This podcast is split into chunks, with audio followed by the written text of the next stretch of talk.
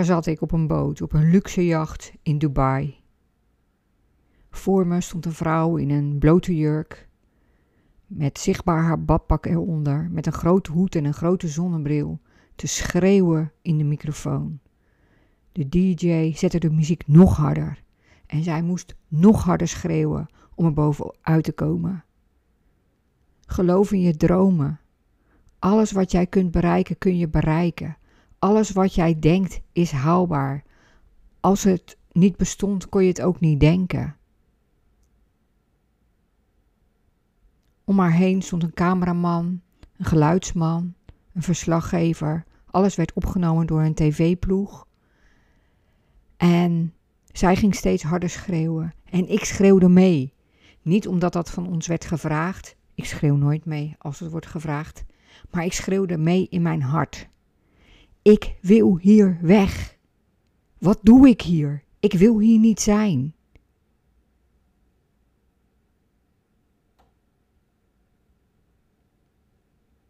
En later besefte ik dat op dat moment iets veranderde. Ik dacht, ik ben hier niet voor anderen, ik ben hier voor mezelf, ik ga hier vol in.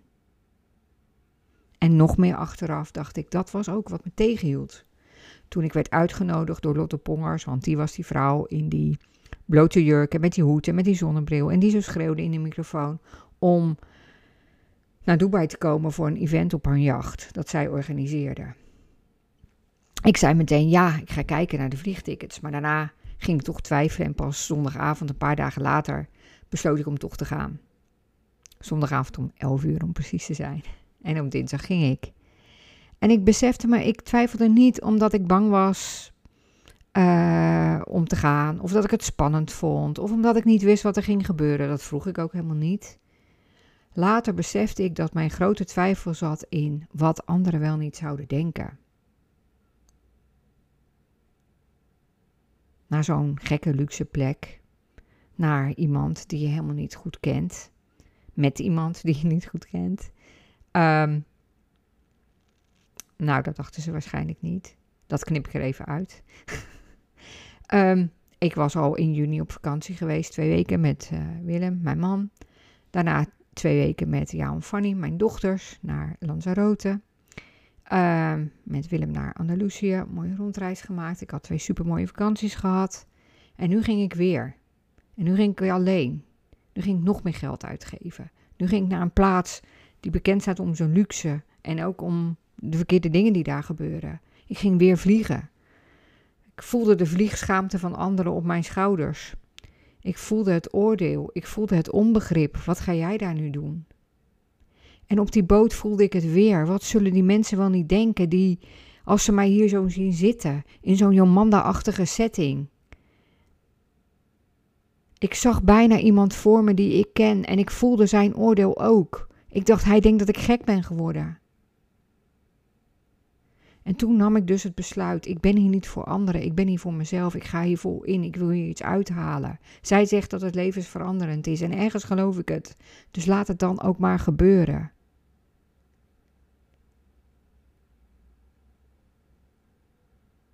En nu, nu ik weer thuis ben, ben gisteravond thuisgekomen.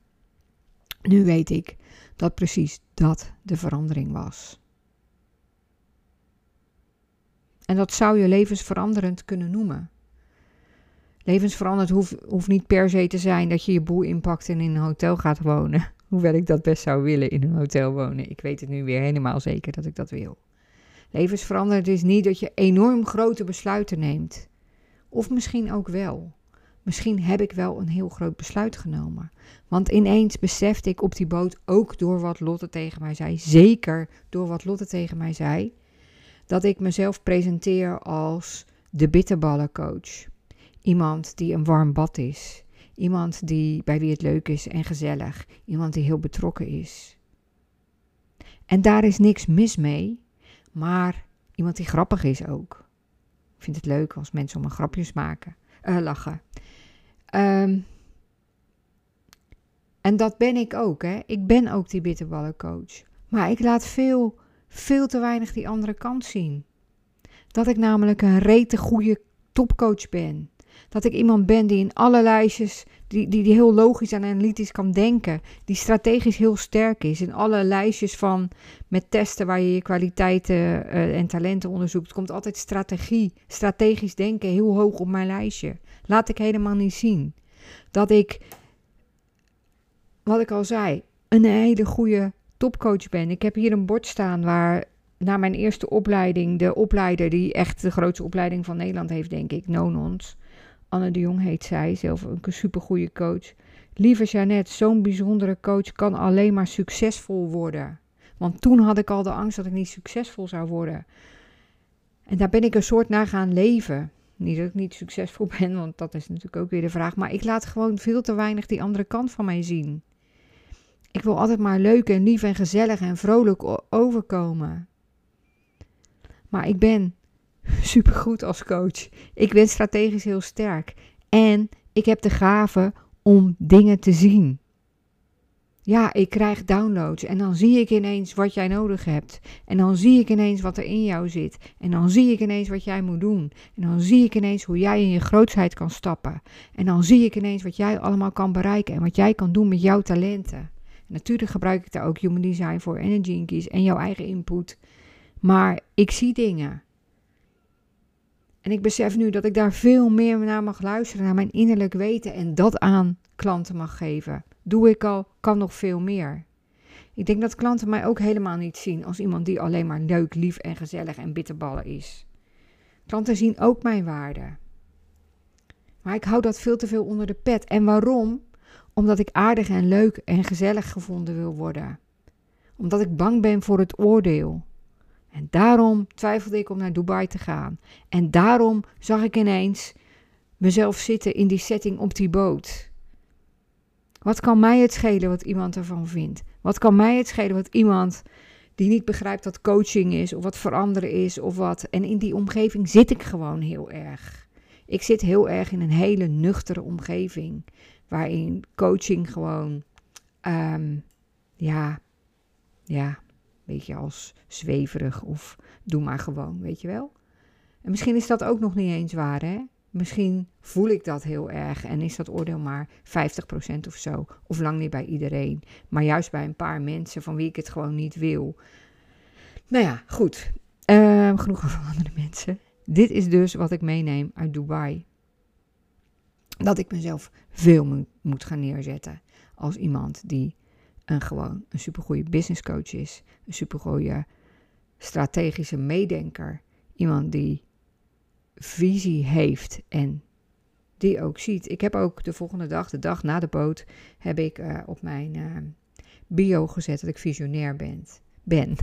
En toen ik dat tegen Sabine, met wie ik uh, naar Dubai was, ehm, vertelde, toen zei ze: Ja, nu lach je er weer een beetje om. Je vertelt het weer lachend. En ik dacht, oh ja, dat doe ik. Ik moet het niet weglachen. Ik moet gewoon heel serieus zijn. Dus ik ben visionair. Ik lach niet. Haha. Dit is een van de. Ja, dit is voor mij persoonlijk het belangrijkste uh, wat ik uh, meegenomen heb uit Dubai. En wat kan jij ermee? Nou, je weet nu dat, uh, dat ik uh, een nog veel betere coach ben dan, dan je dacht. Dat ik strategisch sterk ben en dat ik inzichten heb voor je. Maar misschien helpt het jou ook. Misschien kan jij ook bedenken: ben ik, uh, hou ik mezelf nog in voor het oordeel van anderen? Uh, pas ik me aan?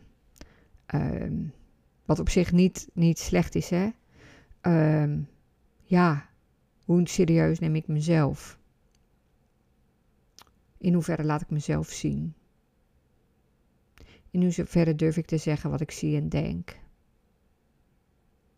In hoeverre heb ik nog last tussen aanhalingstekens van mijn omgeving? Of denk ik dat ik daar last van heb? Want je kunt ook een oordeel hebben op je omgeving. Kan ook, hè, dat ik dat, uh, dat oordeel heb. Maar goed, uh, die opnames worden uitgezonden op Videoland. En het grappige was, die tv-ploeg, die, uh, we kwamen bij die boot aanlopen. En meteen kwam die verslaggever, hij heet Ewout, ik ben even Groenemans, geloof ik. Ik ken hem niet, maar mijn dochter wist nog wel dat hij van uh, Willem Wever en Zoep, ja, dat ken ik dan niet, maar Willem Wever wel, En hij maakt ook andere programma's, dus misschien ken jij hem wel. En hij kwam op de een of andere manier meteen op mij af. En hij had met zo'n toontje, weet je wel, van... Ha, en wat ga je doen? En zo. Nou, ik raakte meteen... Uh, dacht meteen, doe normaal. Dus ik, ik zei meteen iets van... Uh, uh, heb je altijd dit toontje? Ja, hij is journalist. Ja, ik ben zelf ook twintig jaar journalist geweest. En ik heb in New York gewoond. En daar was ik ook producer voor televisieprogramma's en zo. Dus ik weet wel iets van tv maken.